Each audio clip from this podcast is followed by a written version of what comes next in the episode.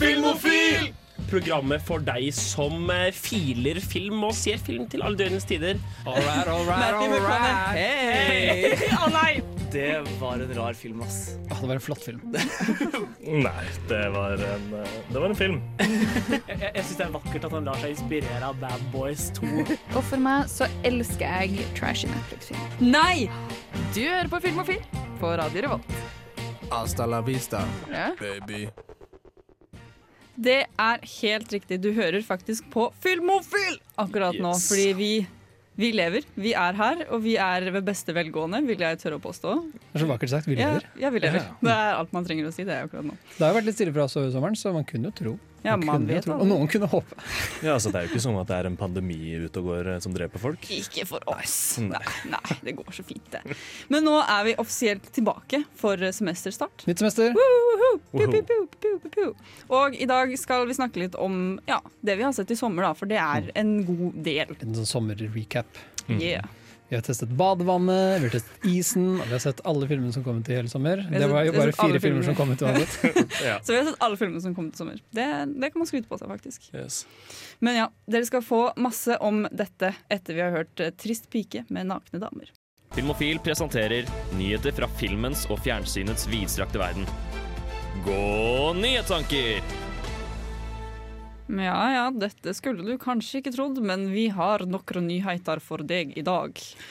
Rart nok. Men eh, det har faktisk, eh, vi har faktisk noe å rapportere. Fordi, for de som ikke visste det, så er det fortsatt kinodrift der ute. Mhm. Og det kommer fortsatt filmer, selv om de kommer veldig sakte. kan man si. De kommer ikke så veldig tett pakket på hverandre akkurat nå. Nei, kinosommeren, som vi sikkert kommer til å vende tilbake til, den har ikke vært eksplosiv. Nei, det er jo den gamle tradisjonen om at eh, ting skal ut i USA før det skal ut andre steder, har jo gjort at de bare Oi, vi kan ikke sende ut i USA, så da stopper vi premiere generelt. Ja. Men Ja, eh, så er det jo andre land som har gjort det litt bedre i koronapandemien. Søk ut til USA, vi har plass til halvparten av folka i kinoene våre. ja. Så uh... Vi har små kinosaler! ja. Men én film har, de, har Warner Brothers besluttet at de ikke kunne vente mer med, og det er litt spennende. For det er en av filmene i hvert fall jeg har gledet meg veldig mye til i år. Mm. Samme. Det er jo eh, da nye Nolan-filmen Mm. eh, Kristoffer Nordland. Som Ja. ser ut som en så Christopher Nolan-film at det er ikke mulig engang. Det er ikke noen tvil om at Det er Tenant, som er tittelen, er regissert av Christopher Nolan. Og, og traileren kunne vært liksom en, en South Park-parodi på en ny Nolan-film som ikke finnes lenger. Jeg husker jeg så den på kino, traileren altså. Jeg så den komme en gang, og så var det sånn Dette her var veldig Inception. Er det, er det Christopher Nolan? Så bare sånn Ja, ja, ja det er det. Men det som er litt spennende her, det er jo for det første det som Sander allerede nevnte med at vi liksom dette endrer litt landskapet for hvordan premierer funker internasjonalt. Men det andre er at for meg så er liksom Tenant de, de, eh, Veldig mange av uh, distribusjonsselskapene De trakk veldig mange av titlene sine når koronaen begynte og kinoen stengte. Mm. Sånn, Nei, vi skal ikke vise Mulan på kino likevel, vi venter med den. Vi utsetter eh, de andre store filmene våre. og Det, James Bond. James og- Bond ble utsatt. Det var en av de første filmene som ble utsatt. Alle var sånn Og den er fortsatt utsatt. Mens Warner Bros var litt sånn Nei, Tenet, den, den skal vi slippe. Og det er litt spennende, fordi en ny Chris Nolan-film tjener alltid inn pengene sine. Ja. Så det at den på en måte har stått i slutt i begyn Først var det slutten av juli, og så ble det begynnelsen av august, og nå er det slutten av august. Som til slutt er flyttet til. 28., tror jeg. Mm. Men det at den kommer, det er litt sånn Det blir sånn uh, litmus-test for om kinoene klarer det, Men tenker det, jeg. Det kommer jo til å være sånn Den kommer jo til å gå skikkelig lenge nå, for det er jo ikke noen nye filmer som kommer Nei, det egentlig rundt det. Så den kommer til å gå kjempelenge, ikke sant? og da kan Ja. det at den tjener seg inn på det igjen. da Men for et uh, ting jeg bare tenkte på, jeg, jeg har jo ikke noe tall på det, eller noe som helst, men er, er Nolan bare veldig sånn globalt uh, likt? Noe I- som bare Som at Nolan-filmene gjør det bra internasjonalt alltid, på en måte? Hvis du sjekker Box Office Mojo, jeg vet ikke om alltid, men siden Dark Knight-trilogien, Ja. så har det gått veldig bra. Og det er bare, han er en av de få originale filmskaperne der ute i dag, sammen med typ sånn Tarantino og Martin Scorsese og den, den måte, garden som får lov til å lage fullstendig originale prosjekter. Mm. Og øh, det at han Trailerne til, til Chris Nolan-filmer er ikke som andre trailere, fordi de nekter å avsløre plottet, mens alle andre trailere skal Mm. avsløre plottet.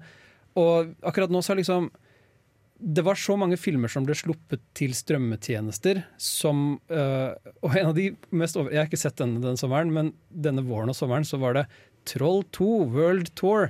Den øh, animerte filmen. Ja, sant Men den Den- bra, den ble en sånn Ja, b eh, bransjen, Hollywood, ble skikkelig stolt av den filmen fordi den tjente så mye penger på sånn strømmebilletter. Betyr det at det kommer en treer nå? da? Det kan godt hende, Nei. men enda det som var liksom spørsmålet er er Troll 2 World Tour-filmen som markerer en endring i distribusjonsformatet? Blir dette her skrevet inn i Ja, filmhistorikkbøkene?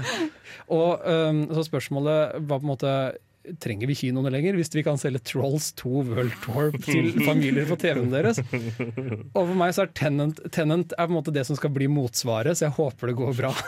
Men du har jo uh, nyeste film til Scorsese, uh, Irishman, som uh, ble gitt ut på Netflix. Mm. Så alle kunne se den på telefonen sin. Ja, men det var jo også den før også, Annihilation. Ja. Som også var liksom sånn Men gjorde den det så bra, da? Nei, men, den gjorde, men det var jo rett og slett bare at jeg tror eh, noen av de lanseringsselskapene trengte at den her var litt for sær til å få folk Ja. inn i salene. Annihilation var en trist sak, ass, fordi det, det var en ordentlig god film. Den har virkelig vokst på meg over tid. Men, men også en jeg ønsket å ha sett på kino etter at jeg hadde sett den. Bare sånn, den var så visuelt Ja, spennende. Den var kjempekul. Men sånn som Annihilation og de filmene der, da, som alle er sånn Det har vi snakket om før også, tror jeg. Litt sånn sære filmer som de ikke tror vil gjøre det så bra på kino. Det er greit at de slipper på sånn Netflix og alle streamingplattformer, men det er sånn, det jeg er redd for nå, er at please ikke begynn å bare legge ut alle filmene der, fordi vi vil ha kino. Det er veldig gøy med kino. Det er veldig gøy med kino. Jeg håper jo at den nye Finesse Ferb-filmen kommer på kino, for eksempel. Candace Against the sikkert ikke. Universe for kinopremiere. De har sluppet en låt og en trailer for den. Har du sluppet trailer også? En trailer med låt. Å ja. Oh, ja, fordi jeg tror jeg har sett låten. Hvor Candy synger om hvor flott det er. Ja. Det, mm, Det er herlig. Det kan vi glede oss til. det kan vi glede oss til. Det tror jeg nok. Det har vært noen triste nyheter òg. Det har det. Det er jo, det er jo folk som har dødd også, Mm. dessverre. Og en av de er den godeste Ennio Morricone. Han gikk bort i den stille alder av noen og 90 år, så, Ja, så- på en måte Det var ikke av korona, da. Det Man var det forstår ikke. det, men vi dedikerer kanskje neste låt til han. Det kan vi gjøre fordi all, alle, all musikken hans er så nydelig. Så her får dere 'Here's to You'. My name is Václav Marul, I'm a Czech producer, screenwriter, director, and you are listening Film og Film. En eh, annen ting som kanskje har gått litt i glemmeboken hos noen, som var liksom en svær greie i, i starten av dette året, men som bare ble liksom visket ut fordi de nevnte er litt teite, er at eh, selveste Disney pluss eh, har blitt litt sånn Det har blitt litt borte, Sander. Ja, det, det har blitt litt borte. Altså, Disney pluss, hvor ble det av deg i alt dette mylderet? Vi savner deg, kom Ja. tilbake! Det var Nei, så men- deilig når det var det vi gruet oss mest til, å ikke ha dø av luftveisinfeksjon. Ja. Det var det var vårt største problem, liksom. Mhm. Nei, for jeg begynte å scrolle Når jeg scroller på Instagram og på Facebook, så begynner jeg å se eh, reklame for Mandalorian, og at eh, Disney Pluss kommer 15.9. er nok den datoen jeg tror jeg. Hele Til, til. Norge, eller? Til Norge. Til Norge. Jeg tror det er til verden. Ah. Eller til Europa, i hvert fall. Yes, vi er hele verden, vi, så det går fint. Ja.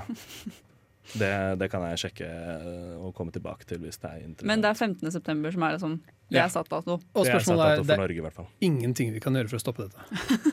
Nei.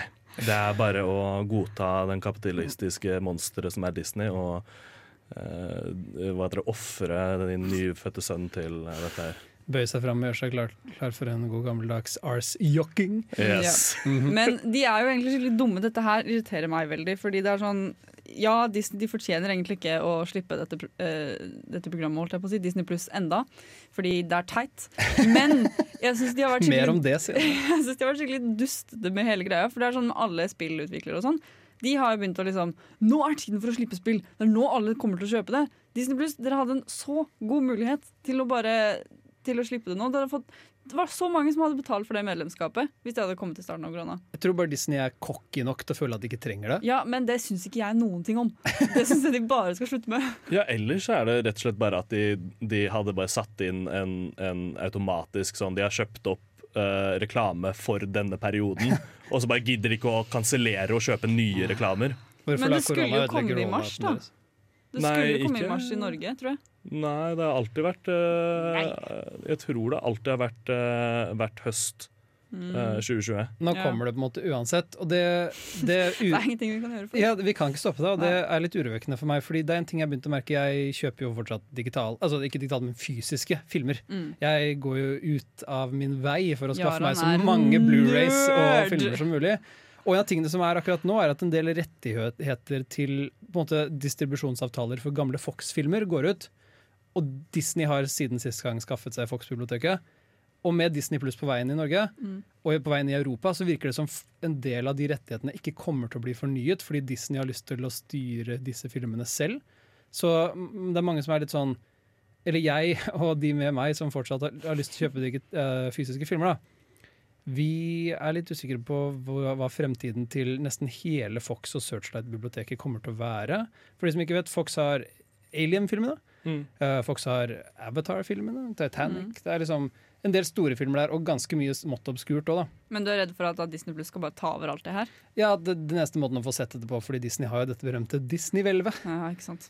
Uh, det kommer til å ligge der, da. Kan jeg være litt uh, djevelens advokat på at uh, kanskje de som er interessert i å kjøpe disse her, har kjøpt allerede?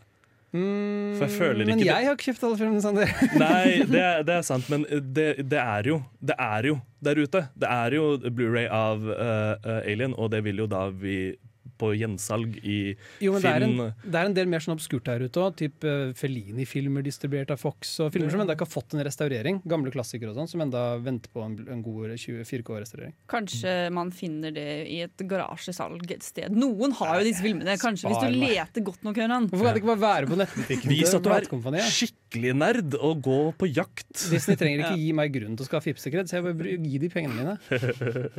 Og mens vi irriterer oss mer over Disney Pluss, kan vi få høre en litt mer gledelig Disney En Disney-låt, nemlig 'Under the Sea' av Ark.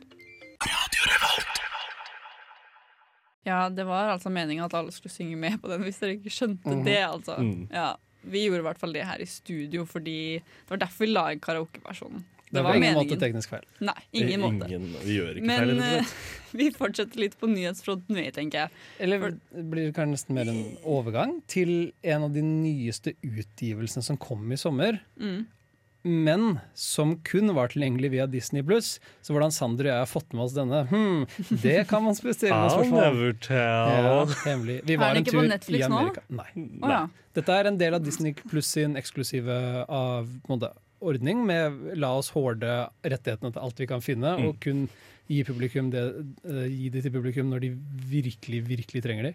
Ja, det er, jo, det er jo akkurat det de er, er jo hordere. De, de bare kjøpte det i Mm. 2011, tror jeg. Jeg tror Disney så denne muligheten og sa I am not throwing away my shot. Ja. For, å, for, å, nei, for å gjøre det litt klarere her, så snakker vi altså om Hamilton. Det gjør vi.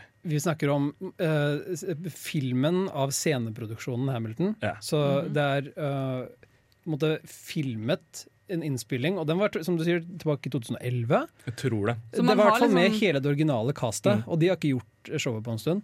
Så det er liksom med publikumslatter og klapping og Ja. alt mulig sånn? Ja, det, altså, de har satt noen, det er sånn når du ser en standup-spesial på Netflix. Ja, det er sånn de har gjort det, Mm. liksom. Mm. Det er bare veldig lite latter og klapping under musikal, for da skal man være stille og høre på musikken. Nei. Nei. Nei, det, er jo, det var jo det, de- det Jeg tror det var 2011, og så Mm. kjøpte de rettighetene. Og så hadde de ikke tenkt til å gi ut dette her før i 2021. I'm willing to wait for it, var det noen som sa. Nettopp. Mm. Uh, så flere puns kommer videre. Nei, vi, så tok de da valgte å, å pushe frem denne releasen eh, ett år, men ikke releasen på Disney Pluss rundt omkring i verden. Så Mm. det var bare enda et stikk til meg som er glad i Star Wars og Hamilton. Og da disse to, uh, Mandalorian som kom ut på starten av året, og nå Hamilton som kom ut, og jeg ikke hadde mulighet til å se den. Uh, på, Så Disney Plus gjorde egentlig bare dette for å være slem mot deg, Sander? jeg, jeg, jeg tror det. Ja, det høres sånn ut. Ja. Men det som, en av grunnene til at det er litt interessant å prate om Hamilton, er for det første fordi det var et sånn litt sånn gøyalt blast fra 2012. Å se hvordan, hvordan har Hamilton, Hamilton, egentlig, Hamilton egentlig eldes. Nå, vi er bare åtte år på en måte, siden uh, det var et globalt fenomen. Men den har på en måte allerede visse trekk som jeg føler har eldes litt. da.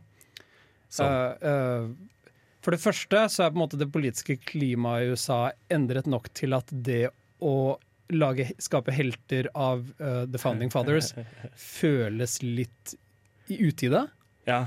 ja, men det er, der, det er jo der du må på en måte skjønne at det er fiksjon basert på liksom hva historiebøkene har sagt om det, på en måte, og ikke en historisk drama. Det er, det er, eh, det er eh, Nei, men den tar fortsatt måte for Thomas Jefferson til å virke umåtelig kul. Ja, Eh, mens den ekte Thomas, Thomas Jefferson var jo antagelig bare et rasshøl. Ja, det must I've missed. What have I missed? Mhm. Så jeg tror, uh, jeg tror på en måte at For meg da, i hvert fall, så var det gjensynet med Hamilton litt sånn Ja, OK, det var jo på en måte interessant å se at noe som ble så omfavnet, kanskje har plass til litt mer kritisk blikk, da. Men den er jo såpass elsket at den klarte å lure seg inn på IMDbs toppen 250. Det er, det er gøy at du nevner det, Jenny, fordi det har uh, vært litt frustrerende. For spørsmålet er jo er dette en film, og i så fall da blir det plass til alle andre konsert- og standup-filmspesialer på den typen Ja, ja. topplister. Hvordan klassifiserer vi dette? Jeg mener det er det. Jeg mener Vi skal ikke være de som eh, er gatekeepers på hva er film, for hvor mye fins ikke som er rent, uh, rent sånn kunstnerisk film, som er sånn andre hadde sagt nei, det er ikke film, men så er det film, og så er det Jo, men den bryter på en måte litt med formatet til alle de andre filmene på f.eks. IMDb Topp 250-lista. da. Ja, Og det er jo mange som er sure på dette her, blant annet August. Shout out til August, som uh, virkelig ble lei seg da Han ble så lei seg den. det er mer som er dust. Audust. Han likte ikke det i det hele tatt. Den ligger i hvert fall på niendeplass, hvis noen lurte på det. Men eh, nå skal vi få høre 'You'll Be Back' av Jonathan Groff. Hi, it's Tony DeCino here, writer and director of The Furies, and you are listening to Film O Phil. Hi, this is Brian Usen. I'm the producer of Reanimator and the director of Society, and I'm with the Film Filmophile people, and uh, we're all having a great time. Det har vi Brian Houston av. Så absolutt. Jeg har savnet deg og din stemme. Men eh, ja, vi har jo sett eh, Vi er nå filmelskere alle sammen, som betyr Oi. at vi har sett ganske mye film denne sommeren. Men da tenkte vi å starte for å, for å gjøre det litt mer eh, Lokalt. Nei, eh, mer, mer oppdelt. Hva, hva, er fint, hva er ordet jeg leter etter? Bare si at Segregert. det er det dårligste Det var ordet! ikke det ordet jeg lette etter. Men vi tenkte vi skulle gjøre det litt enklere for dere å følge med. da Så vi starter med filmer vi har sett på kino i sommer. Yeah. Og det Og- kan jeg bare skyte- inn at uh, det er litt Jeg syns det er litt spennende, for jeg har ikke kommet meg på kino i sommer. Og en av grunnene til det, så da tar jeg dette først, for å holde det veien, er at kinosommeren i år, forståelig nok, forståelig Mm. nok har vært skikkelig ræva! Sånn med tanke på nye filmer. Jeg, det, har, Ja. det har kommet kanskje én ny film annenhver uke. Mm. Jeg har blitt så slått, jeg slått helt i bakken av at en av de største filmene på norske kinoer denne sommeren er 'Knerten og sjøormen'. Så uh, hva har dere sett på kino? Jeg uh, så faktisk eh, 1917, for jeg rakk ikke å se den uh, før jul. Den kom vel ut før, rett før jul? Kom den ut så, så Nei, tidlig? den kom den ut ut i november i- eller januar-februar? Kom den ikke ut i åra? Den, jo, den kom ut i år. Men kom uansett Ja. så så jeg i hvert fall at den gikk eh, på kino, og så tok jeg en liten tur til Oslo, og så tenkte jeg at jeg skulle dra på kino med pappa, for jeg liker å gå på kino med pappa, og se Åh. 1917. Men den går ikke i Oslo, og det vil jeg bare gi eh, eh, Trondheim kino en liten eh, kudos Shout til at de fortsatt holder den på kino, for det er en film man må se på kino. Det er jo faktisk det. Mm. Du kan ikke se den på mobilen, liksom. Da gjør du noe feil. Ja, ja. Da kan du, da kan du ta en bolle. Det kan hende det er en fyr der ute som sitter der og bare 'Jeg så den på mobil, og det var veldig, veldig bra'. Da sier jeg til deg, skjerp deg. Ja. Rett og slett. Han så den på en iPod. Nano. iPod Nano. sånn på Apple Watchen min. Mhm. Nei, ok, men uansett, da. Det, det skal Trondheim kino ha. De har vært veldig flinke på Eller generelt kino nå, da, men vi gjør en liten ekstra shout-out til Trondheim kino, fordi de er best. Mm. Men eh, det skal de ha. At de har liksom vært flinke på å gi ut liksom litt eldre filmer også. Ikke bare crappy Knerten-filmer. eh, Vet du hva, Jeg har ikke sett 'Knerten sjøl, men det kan hende den er dødsbra. Det kan jo hende. Vi vet ikke. Så ikke kall, eh, ikke kall han Crappen, eller hva enn du har kalt han. Knerten. Crappy. Uh, Crapton. Crapton. Cratten. Straight out of Crapton. Jenny, hva sa du på kino? Jeg var eh, ganske tidlig på Jeg var veldig tidlig på kino, kino Klokka egentlig. åtte, liksom? Ja, veldig, veldig tidlig. Mm. Men nei, i starten av koronagreiene. Så jeg endte opp med Trondheim viste, eller Trondheim kino viste liksom alle Eller ikke alle, de viste noen av Star Wars-filmene. Star Wars-filmene. Stavås. Mhm. Ja. Og s- de, men det var rart, de viste A New Hope, og så viste de ikke den som kommer etter A New Hope. Altså Empire, Empire Strikes Back. ja, men de viste den tredje. Altså, de, viste, de viste ikke Empire Strikes Back, viste- men Return of the Jedi. Ja. Den hvor, liksom, som avslutter den første Mhm. trilogien. Mhm. Og så viste de uh, The Last Jedi eller noe sånt. Det var veldig merkelig rekkefølge på ting. Ja, for en interessant måte å se Star Wars-filmen men jeg så, bare, jeg så bare New Hope, da, og det var liksom Det var, det var så fint. Det er favoritt-Star Wars-filmen min, og det var, liksom, det var skikkelig fint å kunne se den. Med en gang jeg så den kom på kino, så var jeg sånn Den! Den må jeg se. Mm. For det, det, det var verdt det. Kom på kino på nytt, da. Det er greit Men å dette si. var, dette var uh, Dette var jo vel en, en ny på øh, i regi av Disney, da, for å bringe det litt sånn Ja, rundt. Uh, og da var det sikkert den nyeste utgaven, den nye 4K-versjonen. Det var det helt sikkert. Med de nye spesialeffektene. De nye, nye spesialeffektene. De Den, store, den store Star Wars-debatten denne, denne sommeren har jo vært at Disney eller George Lucas fikk en ny mulighet til å redigere noe inn i Star Wars igjen. Men da er det alltid rewatchability, mm. for da er alltid klarer du å spotte hva som er nytt. Denne gangen, når han shooter Greedo, for han gikk tilbake til den scenen enda en gang, så sier Greedo McCluskey! Hvorfor? Jeg vet ikke. Nerds, ass. Mhm. Men uh, ja, så det, det syns jeg det er veldig fint da med denne koronagreiene. Er at de viser, de har, Nå har de muligheten til å vise masse gamle filmer også, som, man liksom, som alle mener at man burde se de på kino. Vet du hva, mer av det, egentlig. Ja, det Ja. syns jeg er veldig fint, egentlig. Vi hadde det gøy når vi så Grease i 4K det var for et par år, Det for et år siden. Ja, Har dere noen eh, filmer dere håper kommer eh, på? Jeg har i hvert fall eh, Gravity, som ikke jeg rakk å se på kino. Som jeg håper kommer Og det er en sånn kinoopplevelsefilm, absolutt. Uh, Mm. Tja. Å, en film jeg gjerne skulle sett på kino. Som er sånn, som ikke for første gang, men sånn Ja, ja. en film jeg elsker. er bare en film du liker veldig godt. sånn. uh, jeg tror Jeg måtte allerede bitte litt fått ønsket mitt, for den første gang jeg så Blade Runner var på kino. Det var ja, gøy. sant det. Kult. Uh, men jeg tror kanskje Det er et ordentlig godt spørsmål. Jeg har ikke tenkt så mye på det. Det er jo sånn typ Lawrence of Arabia eller en sånn stor episk film som ser nydelig ut og har store bilder. Mm. Uh, jeg så jo nå i sommer så jeg The Human Condition, som også er sånn 70 mm tohoskop, mega ni timer lang episk Mm. krigsdrama, som også var, ville sikkert vært mye bedre å se uh, på det store lerretet. Så et, en eller annen epic. Mm. Ja, jeg tror jeg bare hadde gått for sånn Scott Pilgrim. Den Ja. tror jeg hadde lyst til å se Pitch på. Perfect òg. Pitch Perfect! Ja! Nei, den så jeg. Jeg så treeren på kino, da. Ja. Mm. Så det er, på en måte, det er nok. Det, jeg, trenger ikke, jeg trenger ikke mer av det, tenker jeg. Men eh, ja, Scott Pilgrim den tror jeg hadde lyst å, hatt lyst til å se på stort lerret. For den har jeg bare sett på TV. liksom Mm. Det hadde vært fint. Men ja, vi skal fortsette å snakke mer om hva vi har sett i sommer. Fordi det er mer film! Men først skal vi få høre Mrs. Robinson av Simon and Garfunkel. Men eh, som vi var litt inne på i sted, da, så har det jo eh, Eller vi var kanskje ikke inne på det. Kanskje bare tenkte det. Men eh, det at nye filmer de må jo komme et sted, de òg. Eller de dårlige filmene. De må jo komme ut et sted, de òg nå. og de havner på streamingtjenester. Fordi Wow, Snakk om å kaste shade på streaming. Den Ja. beste filmen jeg så i sommer, var på streaming, faktisk. Er du seriøs nå? eller? Ja, vi skal prate om det Du, du er det, ja? Ok. Fordi jeg så Eurovision-filmen. Det var og- den jeg skulle snakke Likte du den ikke? Nei, eller den var så dårlig at jeg elsket den på en måte. Mm. Den, var, den var skikkelig, skikkelig trash, men den var også veldig gøy. Og fordi den, eh, den har for seg da eh, Eurovision. Det er et islandsk eh, par, eller det er Will Ferrell og Rachel McAdams, tror jeg det er. Mm. Tror det er det. Og så er det de to da som liksom skal forfylle, eh, oppfylle drømmen sin om å endelig være med Eurovision. De skal vinne Eurovision! Mm. Og faren hans har ikke noe tiltro til han. Han er spilt av um, um, han som spiller faren i Mamma Mia. Pierce Brosnan. Ja, Pierce Brosnan. Ja. Han spiller faren til eh, Will Ferrell, og han har ikke noe tro på sønnen sin. da Og det er en gjenganger i hele filmen. Sånn jeg, 'Jeg liker deg ikke, sønn, fordi du er, duger ikke til noen ting. Alt du vil, er å synge i denne konkurransen.' Spørsmål synger Pierce Brosnan i denne filmen også? Han gjør ikke det. Takk Nei. For det. Å Men å, oh, nei. oh, nei. Jeg elsket jo hans versjon i, Av SOS. I Mamma Mia. Tror jeg du er den eneste. Mhm. Men i hvert fall så skal disse to oppfylle drømmen sin, da, og det viser seg at eh, de, er, de suger jo.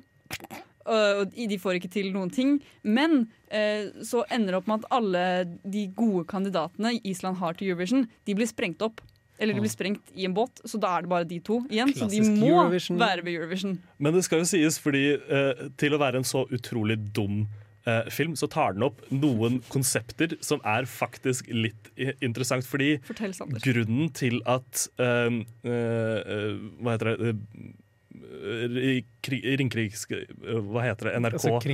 Kringkastingsenheten ikke vil at Island skal vinne, er jo fordi at de som vinner, må jo hoste. Det, det er bare han ene, da. Han okay. ene i greia. Men han vil skurken, ikke- liksom? Han er skurken. Ja, han er skurken. Vet du hva, Det er en ganske fornuftig skurk. Og ting- tingen er fordi at han vet at de må hoste eh, neste år, og det er ikke infrastruktur i, på Island til å ha så mange turister. Og det er bare sånn Til å, ha, til å være en Det er veldig- det er idiotisk ja, er Til å være en idiotisk film uh, om Eurovision, så er liksom de har noen konsepter som er sånn ja, Shit, det er litt sånn OL-problematikken også. Det er bare interessant. Men det er også det som gjør den bra. Det også pluss at de vet så godt hvor dum denne filmen er. Alle de som er med på å lage den.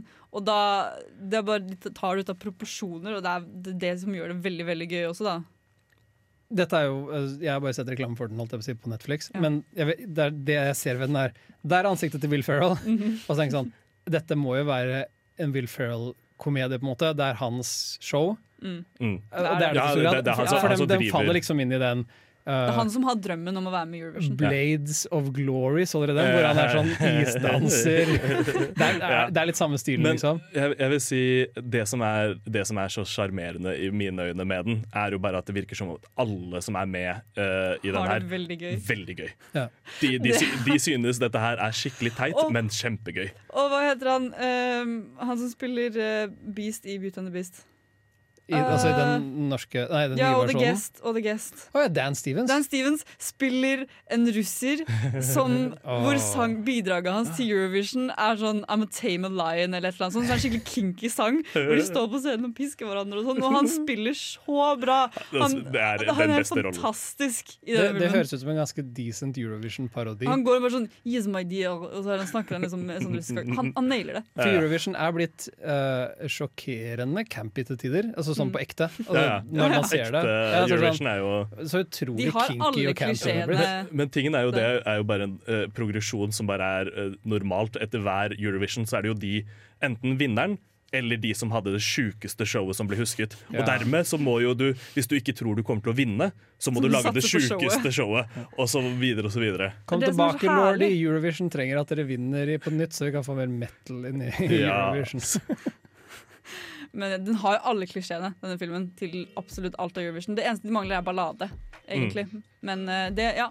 Den er Jeg vil egentlig anbefale den til folk, men Bare ikke, bare sånn- ikke, ikke alle folk. bare sånn, Nei, bare en kveld du ikke vet hva du skal se på, du vil se på noe teit. Da ser du Eurovision-filmen. Men vi, skal, vi snakker litt mer om eh, disse streamingfilmene etterpå. Men først skal vi høre 'Baby' av LV. Nå, Jaran, nå skal du få lov til å snakke om hva du har sett på Hurra! disse streamingtjenestene. Vi har ikke glemt deg, skjønner Eh, du. Tusen takk, det er veldig hyggelig. Selv om jeg syns det var koselig å høre om Eurovision-filmen. Mm. Men jeg har ikke fått med meg den, men jeg har vært litt og prøvd å holde meg oppdatert på det Netflix har kommet ut med, siden det er det eneste strømabonnementet jeg har for tida, eh, denne sommeren. Og det var et par nye filmer som av ulike grunner dukket opp på radaren min. Og den første jeg så, var Kanskje jeg har sett reklame for den, kanskje ikke. En liten anime ved navn A Whisker Away. Ok. Eh, Dette er en film øhm, fra Den er litt måte, Den er produsert av et av de studioene i Japan tror jeg, som har litt sånn kreds. I hvert fall laget av en av de folka som tidligere jobbet Jeg tror han jobbet for Studio Ghibli. Okay. Og så har han øh, startet med noen egne produksjonsgreier. Han var sånn art designer, director på Spirited Away og typ den. Minner det om Ghibli-filmene eh, De, det er noe greia de prøver. Å, ja, Så plottet til A Whisker Away er en ung eh, high school-jente. Mm. Hun øh, øh, har, er veldig forelsket i en fyr Mm -hmm. Klassisk. som ikke er så interessert i henne, så hun Mhm. stalker han noe helt sykt. Ja, Til, det til, til det punktet hvor det er megaflaut. Men filmen syns ikke det er flaut, de, de syns det er kooky og søtt. Så det er litt sånn Er det ikke søtt at hun er super creepy? Og jeg er sånn æsj, nei. Men eh, så fordi hun syns livet sitt er supervanskelig, bl.a. fordi foreldrene skal skilles, så møter hun en katteånd som sier eh, Ta denne masken, og du kan gjøre deg om til en katt. Så kan du på en måte rømme fra problemene dine og leve som en katt. Eller stalke uten å bli sett. Så det er jo det hun gjør da, hun stalker som Fordi det hun gjør er at eh, han, han gutten liker jo ikke henne, men han liker jo katter. Så hun kler seg, hun først kler seg som en katt, og så går hun til uh, crushet sitt, og så klapper han på henne, og så blir hun sånn! Det er uber-creepy. Det er så ekkelt. Og oppførselen hennes er så grusom. Og du blir så, sånn, du blir så, så syk og cringy Og de som liksom bare sitter og skrevet dette, har vært sånn Å, men det er litt eh, Det er logisk Jeg tror de, neste legit, steg. jeg tror de oppriktig tror, synes, føler at det er søtt. Vi må jo bare normalise furry-kultur. Som Du er trengte ikke å nevne det, Sander. Problemet, er at, problemet mitt med filmen var at det føltes som det gikk litt i den retningen. Fordi det som skjer, uten å gå for mye inn i det, er jo at det, har en, det er en hake ved å kunne bli til en katt. da Ja, ikke sant. et, Til et visst punkt så må Du du, velge. opp uh, hårballer. Ja, det er for så vidt, men du må velge om hun får bli menneske må... eller katt. Og, hvis, og for å, å få tilbake menneskesjelen sin, på en måte, så må hun dra til katteverdenen. Men hvis du er Sammen katt, med kjæresten sin. du. Hva er katteverden? Se for deg, se for deg Spirited Away-verdenen, Ok. bare med katter. okay. Ja. De går for veldig den, for den looken. Ja. Den har veldig det japanske folkeeventyr-anime-filmen Ja. for, for, for, barn. da Landet, liksom. Ja. Og det funker på en måte til et punkt, men der Studio Ghibli på en måte klarer å fortelle viktige og gode historier til barn, så ble denne filmen bare sånn Stalk crushet ditt! Det er greit. Bli en katt. Ja, vær, vær, vær ekkel og rar. Det får ingen konsekvenser. Følg eksempelet til Nano og bli en katt. Nano 20 år er en av de største kulturskattene i Norge. Ja. Hun er en katt. Hun er katt. Så det var en av de filmene jeg så på streamingplattform i år. Hva, Som likte du den, Heran? jeg vil anbefale den til folk som liker anime. Folk som liker katter. Folk som, folk som er, ikke er i stand til kritisk tenkning. Folk som Eh, likte You, kanskje? You? Creepy, creepy stalking-serie på Netflix. Jeg har ikke sett den. Nei, de, jeg har ikke sett den heller, men uh, jeg føler det hadde vært noe Dich på tysk. Helt sikkert. Ja, for det er vel den hvor det, det er en en sånn psykopat, og han tar liksom og typ dreper uh... Han blir forelska, og så stalker han de helt insane mye, og så dreper han de, tror jeg. En av de andre skjulte perlene jeg så på Netflix uh, nå i sommer, Mhm. veldig kjapt, er en spansk film ved navn Oh. Yo no estoy aquí. I'm no longer here. Donde esta la biblioteca?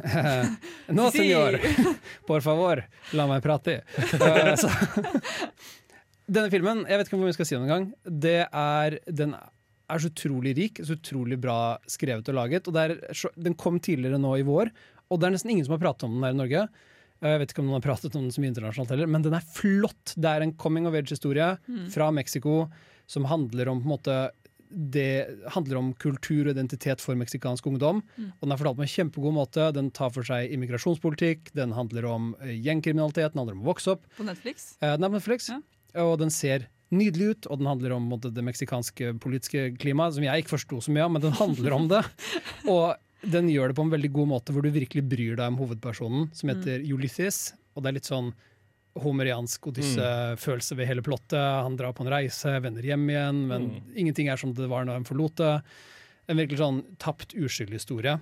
Så jeg bare anbefaler den veldig sterkt. Mm. Jeg sier ikke så mye mer om den, fordi noen filmer er best når du bare går til de og Mm. opplever de selv, men jeg anbefaler den kjempesterkt. En god Netflix-film, ja. Rett og slett. Det, det, Jeg har sett flere gode Netflix-filmer. Du har det, ja.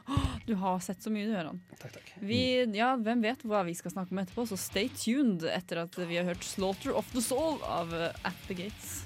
Eh, Hei, det her er Dag Jan Haugerud. Jeg heter Torbjørn Harr. Og jeg heter Yngve Sæther. Jeg heter Jan Gunnar Røise. Og du hører på Filmofil! Da er vi, altså Filmofil, tilbake igjen her for å gi deg mer filmprat. Og Gøran, du har sett mer film, du. Ja, jeg, Når vi først er inne på deg, liksom. jeg brenner på en måte inne med det jeg føler er sommerens beste film, Ja. som jeg har gledet meg til å prate om en stund nå. Mm. Dette er en film som ikke på noen måte var planlagt å få kinopremiere. Den var alltid satt til en Netflix-film. Mm. Og det kan hende grunnen til at den er sommerens beste film for meg, fordi det har ikke vært så veldig hard konkurranse. Men Spike Lee sin The Five Bloods Mm. Er så sykt kompromissløs.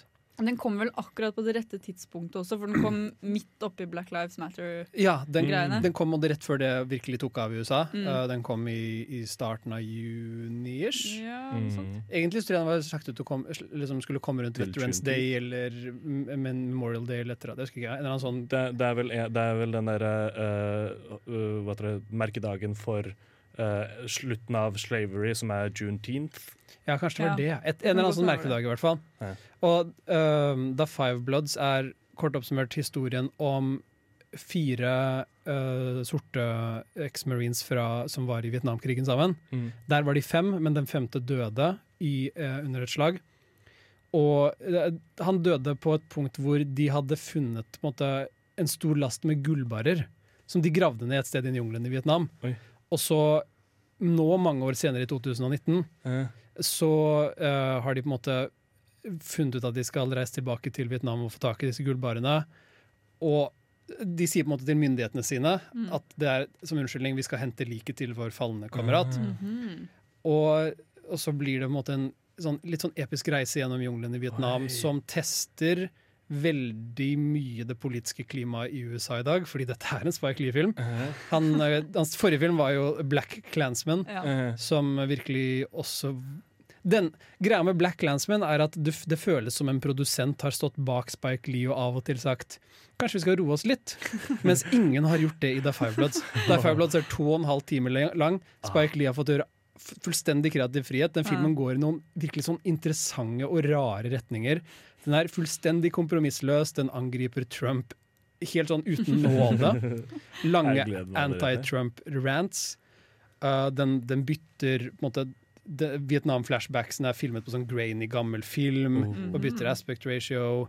Og uh, de, har sånn lang, de har sånn taler hvor liksom noen bare begynner å prate om viktige karakterer fra sort historie og blir sånn en minidokumentar, og så kutter den tilbake til handlingen. Er det mye kul uh, rock? Eh, er, det, er det liksom sånn de, de, de tar med noen rockelåter for å liksom sette inn Ja, 70-talls eh, militærfilm? Uh. En gang iblant, men ikke så mye. Den, den, den har et veldig den har et soundtrack som føles litt overgjort, som om det tror det er 'Saving Private Ryan', men det klasjer litt med tonen av og til. Og, og Men det funker allikevel, liksom. Nei, Å kalle denne filmen tonemessig ujevn er en underdrivelse. Den, okay. er, den bare klikker i alle vinkler på alle mulige måter. Og det, det gjør den på en måte av og til mer interessant enn bra. Ja, ok. Men fordi den har så utrolig mye å si, Mm. og prøver så hardt, og den har bare noe av det beste skuespillet jeg har sett dette året. Mhm. Hvem er det som spiller den? Det er en, hovedsakelig de sånne sorte character actors du kanskje har sett, men ikke har så godt forhold til. Ja, okay. Delroy Lindo er en av de eldre i, som gjør en helt sånn syk rolle. Han spiller den ene i squadet som er blitt konservativ Trump-supporter. Mm -hmm. Og en del av filmen er på en måte et oppgjør med ha, hvem han er blitt, og uh, sønnen hans, som også blir med. Og de har et skikkelig dårlig forhold, for han er jo en gammel veteran med PTSD som aldri tok et oppgjør med det heller, yeah. og som har liksom bare vært fattig og blitt behandla dårlig i livet, og det har han på en måte ført videre til sønnen sin. Ja. Sønnen hans er spilt av um, en fyr som er jacked. Han er helt sykt ripped. Armene hans er massive. Jeg husker ikke hva han heter, men han var i Last Black Man in San Francisco, tror jeg. Ja, han er, han er også, begge de to er dyktige da, og former på en måte en slags sånn kjerne for, um, for castet.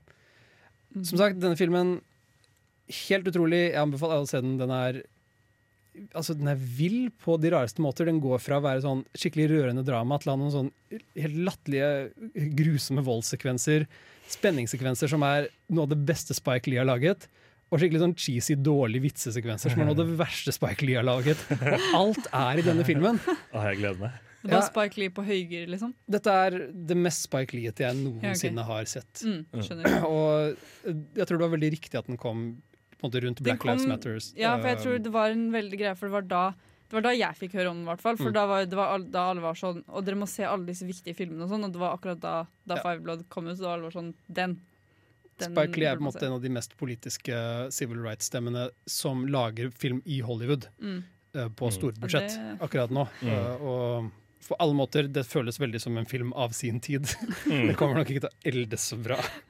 Men det får så være. Ja. Vi får høre Superfly med Curtis Mayfield mens jeg kjefter på pappa for at han ikke vil se den med meg i sommerferien eh, etter dette.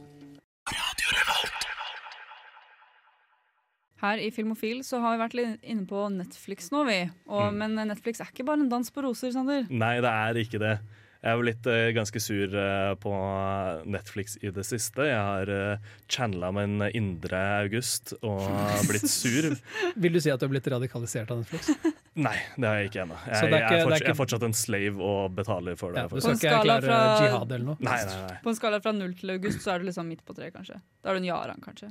Ja, nei, jeg, jeg, jeg eh, Fra å ikke ha vurdert å av, eh, avbestille, så har jeg vurdert det, men ikke eh, funnet ut at eh, Vet du hva, det er for mye Ja, jeg går glipp av. med Tre det. Gustav, august, vil jeg Men si. da. grunnen til at jeg er i fyr og flammer her Ja. i dag, er rett og slett fordi at Netflix har bestemt seg for at alt av sitt internasjonale serier og content skal de eh, dubbe. Og Som det, er bra hvis du er fem år. jo, jo, men tingen er at jeg tror egentlig det er en bra ting. Eh, for jeg tror eh, det åpner opp mye internasjonale greier for amerikanere. eh, Med tanke på uh, historien om uh, Parasite som eh, fikk så mye hets fordi Det er jo mange som ikke, særlig amerikanere, og sånt som ikke ser filmer hvis de, er på, hvis de er på et annet språk, bare fordi nei, det gidder vi ikke, liksom. I Selv om det er mange som er- I need to read. Ja, nettopp. ikke sant? Så det er jo poeng, det, da. Så Jeg kommer fra den Simpsons movie-quoten hvor McBain er president, og sier han I was elected to lead, not, to read. ja. Nei, men eh, i hvert fall Og tingen er at er, Du tenker liksom Er det noe å fyre seg opp over?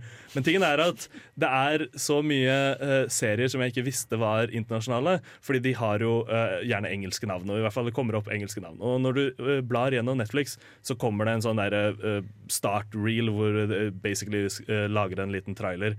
Og den er ofte ikke kuttet sammen med eh, faktisk at du ser personen snakke. Så jeg tenker å, ja, greit, en, en vanlig engelsk eh, serie. Klikk meg inn og se den. Mm. Og så starter episoden. Så er det litt sånn eh, eh, establishing shots, og det, det kommer liksom ti minutter inn i filmen før jeg ser en person snakke. Og bare så faen, det er dubba! Helvete! Og så må du endre ser på. det fordi det er veldig dårlig lagt over på munnen? Ja, ja. Men er dette hovedsakelig animerte serier? Eller? Nei, nei, nei. nei.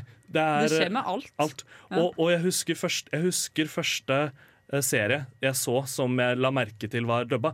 Og det var jo veldig morsomt, for jeg har jo da uh, tydeligvis satt at jeg vil ha engelsk, for jeg liker helst hvis jeg skal ha uh, subtitles, så vil jeg ha det på engelsk osv. Så, videre. Ja. uh, så den tok jo og satte på den dubbede versjonen av Hjem til jul, som er en norsk serie.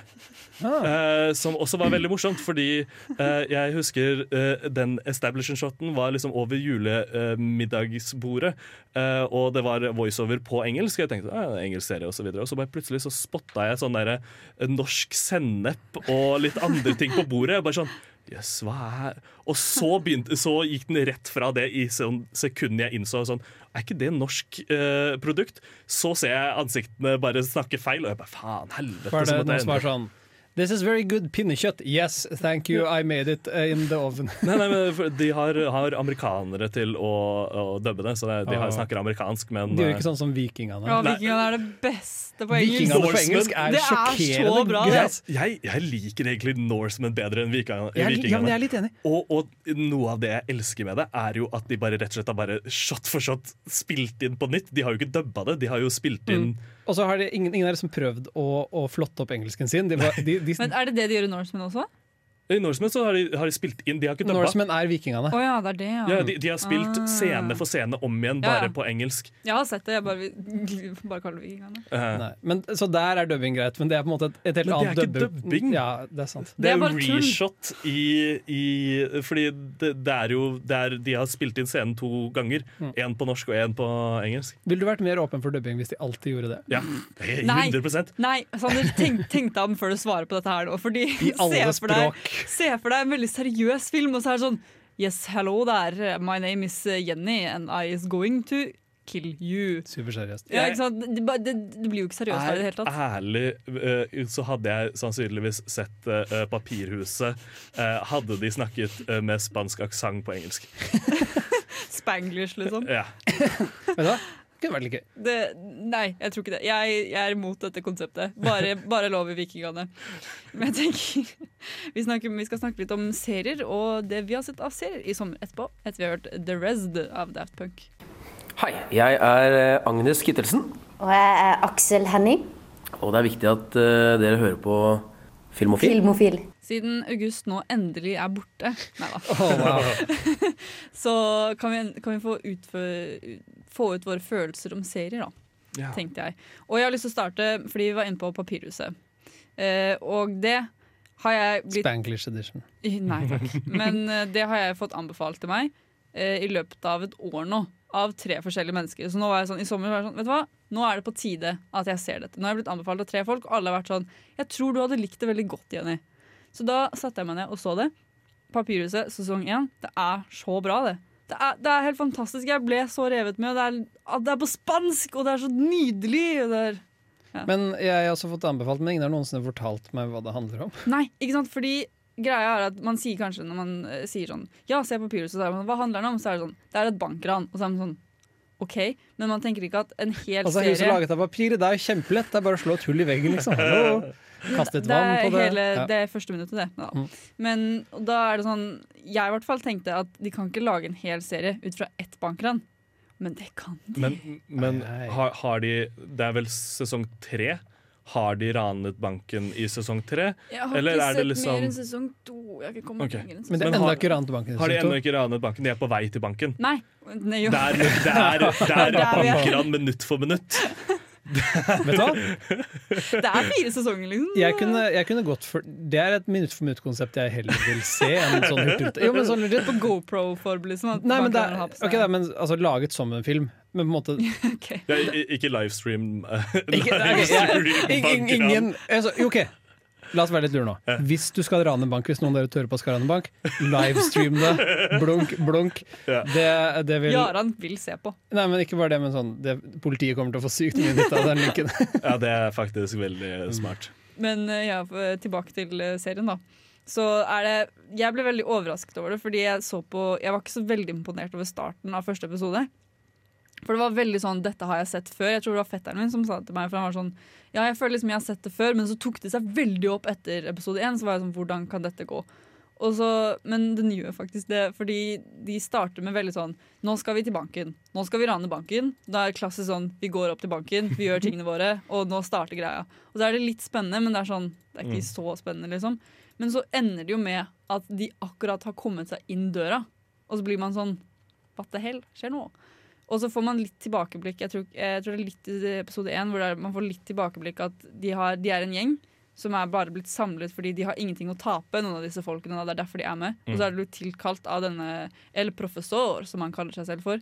Som liksom, han har iverksatt dette ranet, da. Og så, men det tar seg så sykt opp. Episode én slutter liksom med at de nettopp har kommet inn døra, og så blir man sånn Nå vil jeg se mer. Og de klarer liksom De holder det gående overraskende gjennom en hel sesong. I hvert fall første sesong. Så er det sånn De er jo i banken hele tiden. Og de kommer bare I løpet av sesongen så kommer de tre dager inn i landet eller noe sånt. Og det er sykt spennende. Men de klarer de, å gjøre det kjempespennende. Er de tre dager i banken? De er en, jeg tror hele prosjektet deres skal egentlig være at de er i banken i ti dager eller noe sånt. Oi. Eh, og så skal de komme seg ut, for han har en hel plan rundt dette her. Og gjemmer de seg liksom inn i banken? Nei, de har tatt gisler. Ah, uh, for de var de har folk på kjempesvære bager med sånn dollartegn på. Og så sitter de der inne og Ja. stille. De har liksom tatt de som var på uh, det, var, det er et museum inni den banken også, da, for det er liksom den største banken i Spania. Eller noe sånt. Myntverket i Spania er det. Ja. Og så tar de de folka til gisler, men så skal de være de snille ranerne. Da, på en måte. Sånn at de vil få sympati med folket. Mm. Sånn at de skal behandle disse gislene pent og bra. Og sånn, sånn, at de har, sånn at de ikke kommer ut og Gi de massasje. Hei, hvordan går det? Ja, det er nesten sånn. Pratet, pratet med de og var sånn uh, Du, jeg er for tilfeldigvis pa et parterapeut, og jeg ser at dere to Ja, men det er, det er skikkelig fascinerende egentlig hvordan de gjør det, hele greia. Og sesong én likte jeg skikkelig godt, men så, begynte, men så er det sånn når sesong én slutter, så vil de jo på en måte vite hvordan dette ender. Jeg er i hvert fall veldig Mm. sånn, jeg må vite hvordan det ender. Men så er det på et tidspunkt i sesong to hvor det begynner å gå litt nedover. Ja. Hvor det blir mer sånn Å ja, de har planlagt absolutt alt. Det var veldig kult i sesong én, men så er det sånn, på et tidspunkt så blir det bare sånn Men er dette realistisk, da? Ja, har når, alt er en del av planen. Alt, Men absolutt han er jo alt en er en del av professor. planen. Ja, men det er Og sånn, professor planlegger det er sånn små ting som er sånn har du, teit. du har ikke gått på øh, NTNU. For professorer planlegger ingen verdens ting, og, og de bruker alltid andre folks powerpoints. Han har egentlig bare det navnet som Ja. spøk, tenker jeg. Ok. Nei, det er ikke det. Men jeg vil anbefale å se sesong én, men det er Mm. sånn Det går litt Det kan at det går eh, mye bedre etter hvert, da. Nå skal ikke jeg si det, jeg er jo ikke ferdig. Men eh, det er skikkelig skikkelig bra. Det er veldig intenst. Mm. Og jeg satt og strikket mens jeg så på det. Strikket, jeg strikket så fort, jeg. Jeg strikket så fort. Beste måten å måle spenningskurvene er hvor fort man strikker. Men eh, ja, så den Se papirhuset. La casa de papel. Oui, oui. Men først nå skal vi få høre Across eh, 110th Street med Bobby Womack, etterfulgt av Shallow av Lady Gaga og Bradley Cooper. Sander, vårt uh, gylne medlem av Filmofil. Du har også sett litt serier. Det har jeg. Jeg har en uh, serie jeg kan anbefale på det sterkeste, egentlig. Det er mm. en av uh, mine favoritter i nyere tid. Eh, det er The Umbrella Academy. Paraplyskolen. Ja, Paraplyskolen. Det er, eh, jeg husker når jeg uh, skulle se første sesong uh, når den kom ut, så fikk jeg høre om det fra diverse podkast, og da var det basically Paraplyfans. Nei, det var rett og slett eh, eh, Hva om uh, X-Men-universet hadde en uh, abusive far som var eh, Xavier. Jeg tenkte shit, det hørtes litt interessant ut. Eh, og så tenkte jeg også det hørtes interessant ut hvis de klarer å gjennomføre det. Ja. Og det gjorde de. de Er, det, er det en scene hvor Umbrella Academy et svar på Xavier liksom tar beltet sitt av og slår de andre X-Men-barna? Nei. Da klarte de det Eh, ikke. my, my, mye mer, eh, mye mer emosjonell eh, drama, der han noen- låser en femåring som kan se de døde inn i en cemetery, Nice. eh, og gråter og skriker uh, og så videre, og han Sier sier han sånn What are you gonna do to me, daddy? Nei. Og så sier han. I'm tightening my belt so I don't feel hunger pangs. Hospitality! And you don't piss on hospitality. Nei, uh, så det som, er, det som er interessant med det, er at uh, ved første øyekast så er alle karakterene veldig stereotypiske eh, karakterer. Du har the drug carefully-person, du har en eh, pappa-diltende elsker, eh, og så har du liksom diverse karakterer som er veldig vanlige, men Randall fra Friminutt. ja, i, Han må alltid være med. I, i, I løpet av serien så utdyper de disse, alle disse karakterene. De, de, de er ikke så endeemosjonale som en vanlig serie. Eh, Altså Jeg føler de har vært veldig gode til å skrive disse karakterene.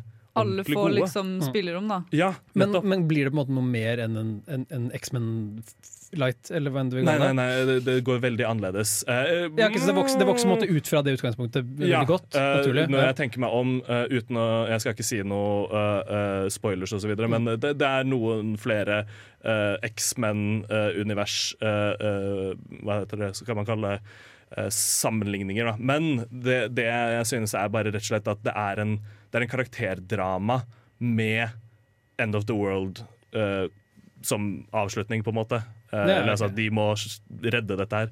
Også, ja, og så- til- altså, sånn som eller hva skal man kalle det, sånne gode teen-shows som vi hadde på 90- og tidlig 2000-tallet. Ja. Buffy og sånn, liksom. Men grunnen til at vi snakker om dette, er fordi sesong to er ute nå, da. Er det ikke det? Jo. Det er det. Så da bare se sesong én først, og så er det å starte på sesong to. Ja, er det kommet til sesong to? Sesong to kom nå nettopp. Nice. Da har vi serieanbefalinger fra både her og der. Vi skal nå få høre Young Gu av Kak Madafaka før vi kommer tilbake etter en liten pause.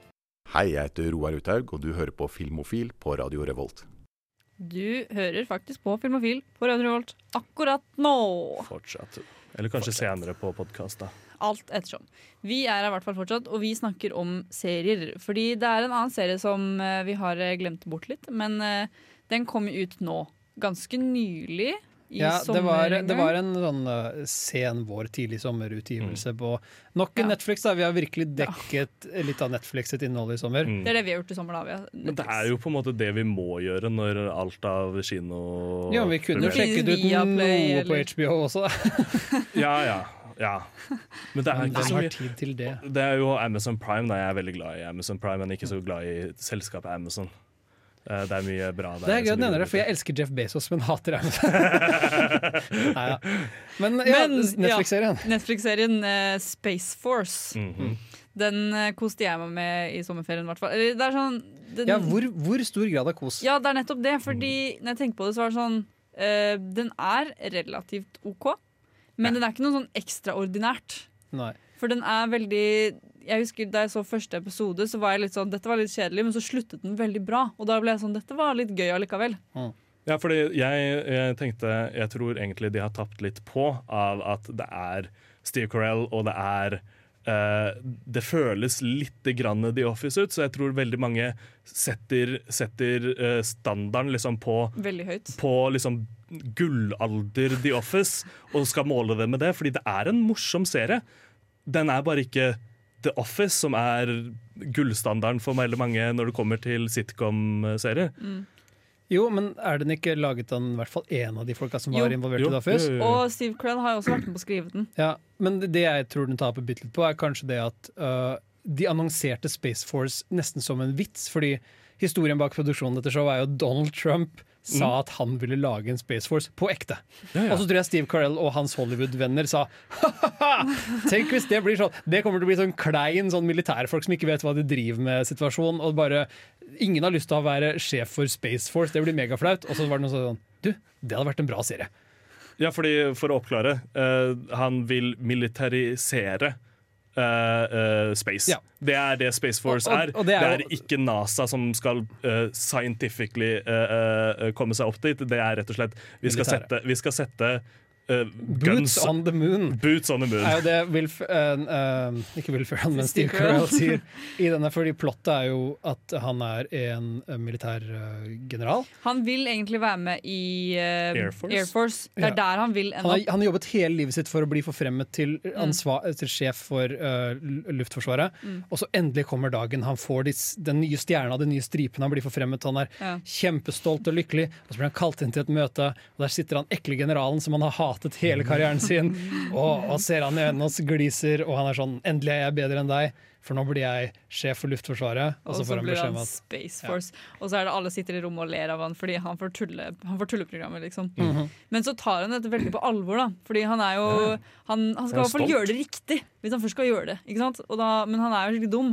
Men, så det er jo en oppskrift for katastrofe. For han tenker jo veldig som en luft, luftforsvarmann. Så han er sånn Alt vi kan gjøre her, ja, vi kan gjøre for månen også. Det er kjempefint, det. Ja, fordi eh, han, han er jo ikke Jeg vil ikke si eh, at jeg hadde klassifisert han som dum, sånn som jeg ville ha klassifisert Tullebukk, eh, da, kanskje. eh, liksom eh, Michael i, i, i The Office det dum. Eh, han, Men han er en veldig kompetent mann. Han er en Mm. kompetent mann, men han har veldig mange andre karakterer som spiller egentlig veldig godt av på han. Uh, Min favoritt etter kastet, jeg tror det er din òg, Ben Schwartz. Ja, ja, ja, ja. Som er sånn PR-SoMe-ansvarlig.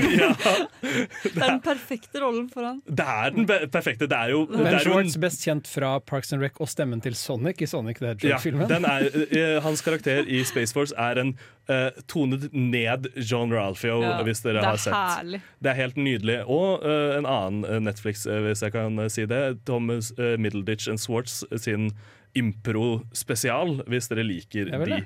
Er ute på Netflix. Det kan jeg anbefale. Middleditch er jo kjent fra Silicon Valley, hvor han er perfekt. Ja.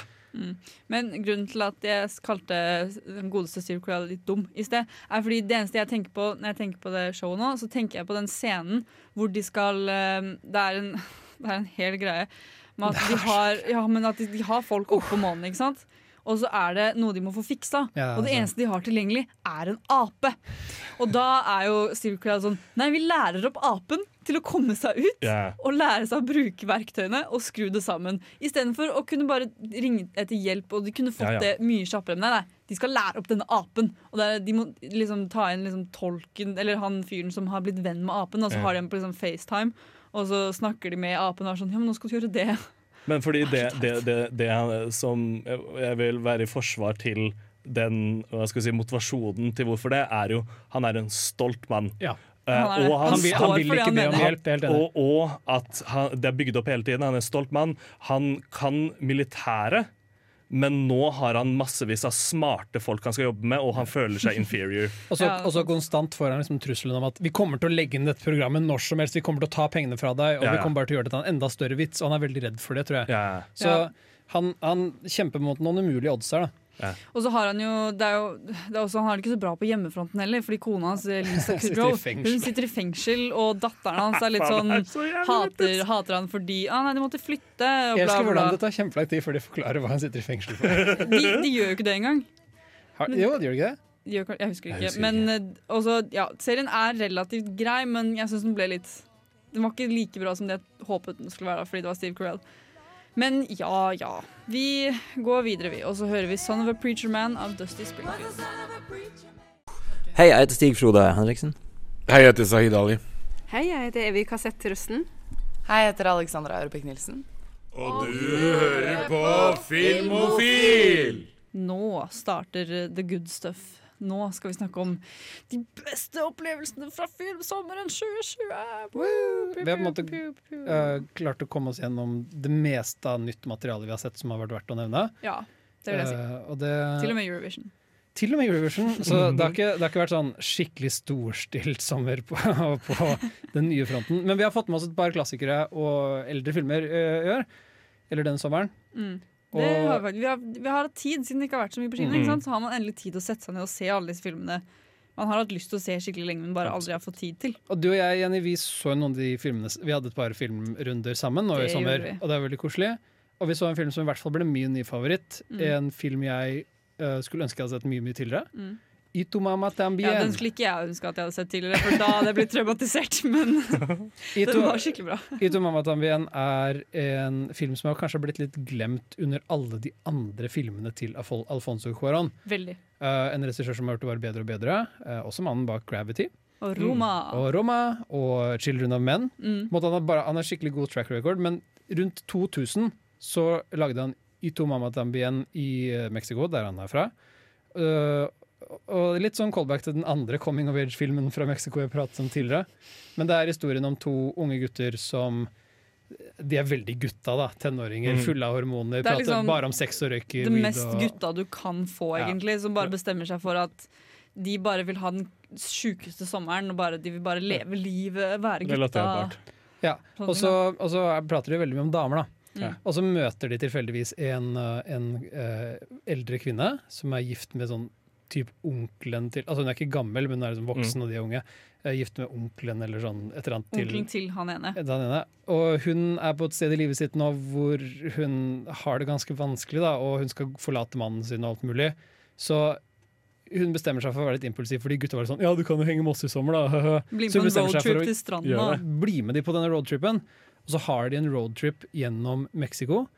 Og denne filmen har så utrolig mye sånn kinetisk energi som funker kjempebra. Mm. De, de, det er sånn, de gutta bare kjører, og hun sitter i setet, og de prater om alt mulig rart om livet, om Mm. sånn forskjellige ting, og det er flotte sånne long takes fra inni bilen som beveger seg liksom fram og tilbake mellom setene, og så kjører de plutselig forbi noe på veien. Og da, er det plutselig, da stopper plutselig alt sammen. Eller det stopper ikke, da, men kameraet fokuserer fra bilen til den tingen de passerer. Da, og så kommer det en voiceover som snakker om hva som har skjedd her. Da. Så på en måte filmen er satt til Mexico og følger denne reisen til det er, til disse unge guttene som en sånn slags sånn seksuell oppvåkning, for de prater hele tiden om sex, men de har aldri hatt sex. Mm. Og så viser det at første gang man har sex, så er det veldig kleint og keitete, og så er- blir det masse følelser involvert, og det er ikke noe gøy.